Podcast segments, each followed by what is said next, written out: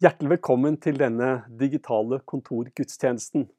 Mitt navn er Helge Terje Gilbrandt, og jeg er pastor i Pinsekirken Tabernakelet Skien. Vi skulle så gjerne ha vært i kirka vår, men både denne søndagen og neste søndag så vet vi at vi ikke kan samles. Men vi håper at ting blir bedre, og at vi kan samles søndag 25. april. Vi er jo veldig glade for at eh, arbeidet blant barn og unge er i gang. Så får vi voksne se fremover og håpe at ting blir bedre for oss alle. Fort Bragg det er en stor amerikansk militærbase i North Carolina. Basen dekker mer enn 650 kvadratkilometer og er en av de aller største militærbasene i verden. Den er antagelig best kjent for å være hjemstedet for USAs spesialstyrker. I tillegg så er stedet også base for flere avdelinger innenfor USA sitt luftforsvar. Samantha meldte seg inn i militærtjeneste rett etter high school.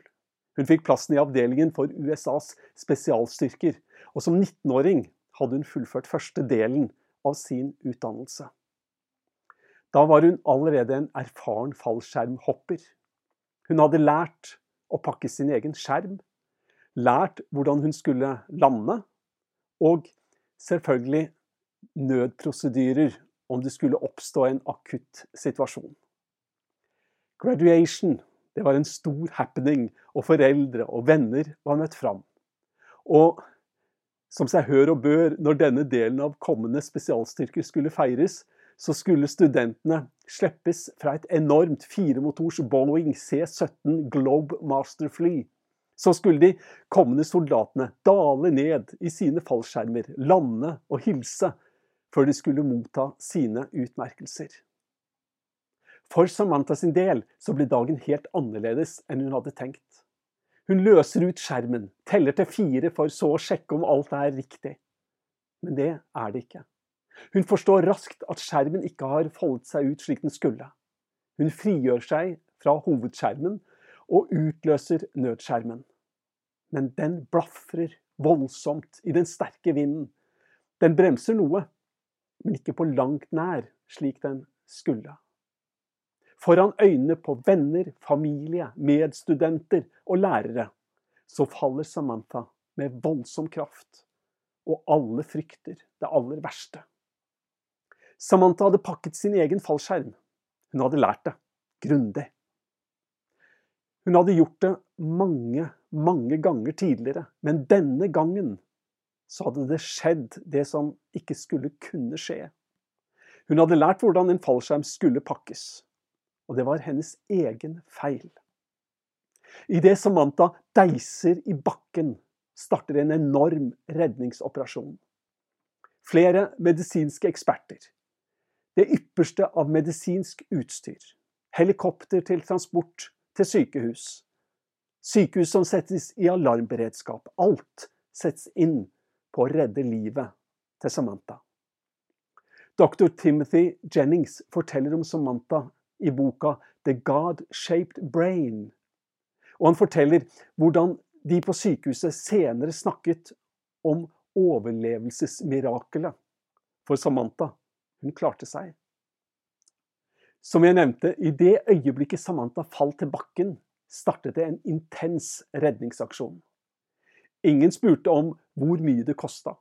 Prisen for en helikoptertime var irrelevant. Ingen verken sa eller tenkte det var jo hennes egen feil. Ingen, absolutt ingen, tenkte så mye som tanken at slik går det når man ikke gjør en skikkelig innsats når man pakker skjermen. Alle de involverte, redningspersonale, helikopterpiloter, leger, kirurger, de hadde ett mål, og det var å redde livet til Samantha. Og som sagt, de lyktes. Du, Hvorfor er det så nærliggende for oss mennesker å tenke at Gud er så mye dårligere enn disse redningsfolkene?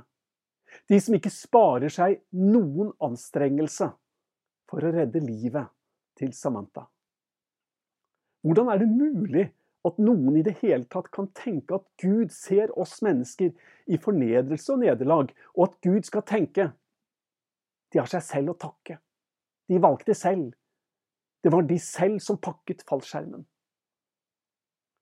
I det øyeblikket vi mennesker falt bort fra Guds vilje, da ble det en redningsoperasjon som savner sidestykke, som ble satt i gang. Skyldspørsmål, det var ikke relevant. Det var åpenbart, ja, selvfølgelig var det det. Det var menneskets egen skyld. Selvfølgelig har vi ikke noen unnskyldning. Selvfølgelig er både du og jeg ansvarlig for våre egne dumheter. Men i den sammenhengen så er det bare én ting som betyr noe, og det er å redde liv. Redningsaksjonen ble satt i gang. Samantha hadde ingen grunn til å være redd redningsteamet som kom løpende mot henne. Hun trengte ikke grue seg for verken bebreidelse eller straff. De hadde et mål. Det var å hjelpe henne. Redde livet hennes. Så hvorfor er det så mange av oss mennesker som, når vi ligger på bakken og angrer på dumme ting som vi har gjort, begynner å grue oss for å møte Gud? I fortellingen om da Gud skapte Adam og Eva, så leser vi at etter at vi mennesker hadde gjort imot Guds vilje, så ble vi redde og prøvde å gjemme oss for Gud. Hvorfor prøver vi å gjemme oss for Gud? Hvorfor forstår vi ikke at det lureste og beste vi kan gjøre, det er å løpe til Gud, ikke fra Gud? Jeg skal si deg hvorfor. Det er fordi så mange av oss mennesker har blitt lurt til å tro på en løgn om hvordan Gud er. Vi tror at dersom Gud får tak i oss slik som vi er, i nederlag og fortvilelse, ja, da vil Gud straffe oss for det vi har gjort. Derfor er det best å komme seg så langt unna Gud som mulig. I tillegg så er det mange av oss som kanskje tenker La oss løpe til Jesus, sånn at vi kommer til ham og kan gjemme oss der, slik at Gud ikke ser oss slik vi faktisk er så kan vi gjemme oss bak Jesus, slik at Gud istedenfor oss ser Jesus. Og da slipper vi både straff og fordømmelse. Hvorfor tror vi at Gud er slik? Hvorfor kan vi ikke heller tro at Gud er slik Jesus er?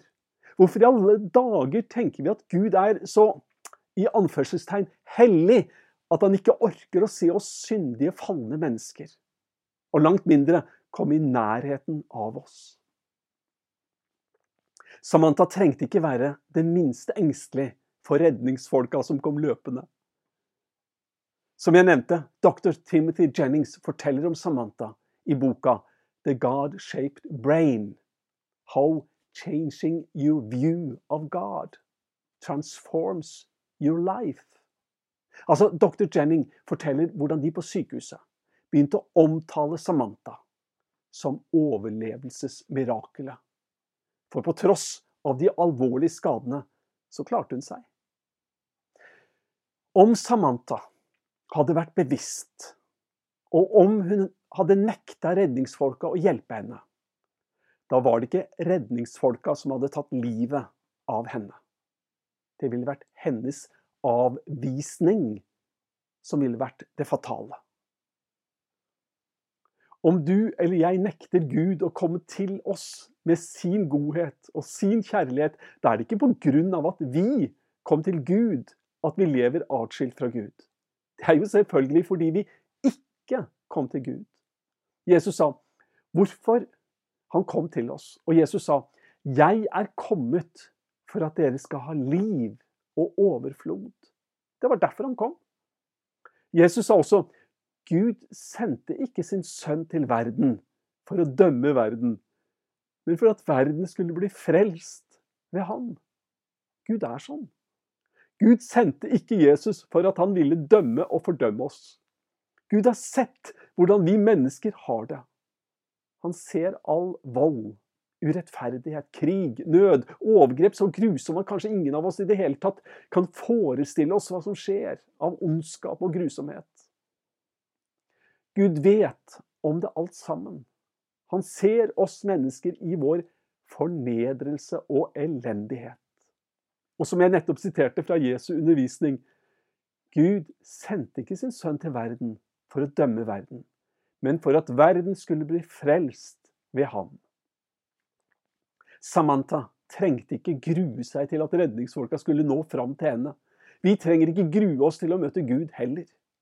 Vi må ikke tro løgnene om at Gud synes vi er avskyelig kryp som han vemmes over. Gud som er kjærlighet, ser mennesker i smerte og lidelse.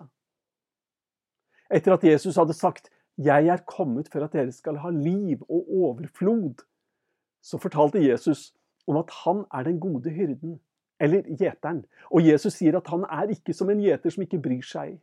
Jesus er som en gjeter som gjerne ofrer alt for å redde sauene som har gått seg bort. De som er i fare. Og Jesus sier det slik Jeg gir livet mitt for sauene. Vi trenger ikke være redd for Gud. Vi trenger ikke grue oss til å møte Gud. Vi trenger ikke tro at Gud vil møte oss med bebreidelse og fordømmelse. Vi får tro på den Gud som Bibelen forteller oss om. Og det er en Gud som er så nådefull, som er en, som en far som lengter etter at barna skal komme hjem, en far som lengter etter å tilgi og gjenopprette. Gud er like god mot oss som det Jesus er. Gud er jo nøyaktig slik Jesus viste oss at Gud var. Vi kan komme til Gud slik, at, slik vi er, og ingenting trenger vi å være redd for. Han er både godhet, nåde og kjærlighet. Og vi kan begynne nå med en gang, for vi kan begynne med å ta imot Guds velsignelse. Må så vår Herre Jesu Kristi nåde, Gud vår Fars kjærlighet og Den hellige ånds samfunn være med deg. I Faderens, Sønnens og Den hellige ånds navn. Amen.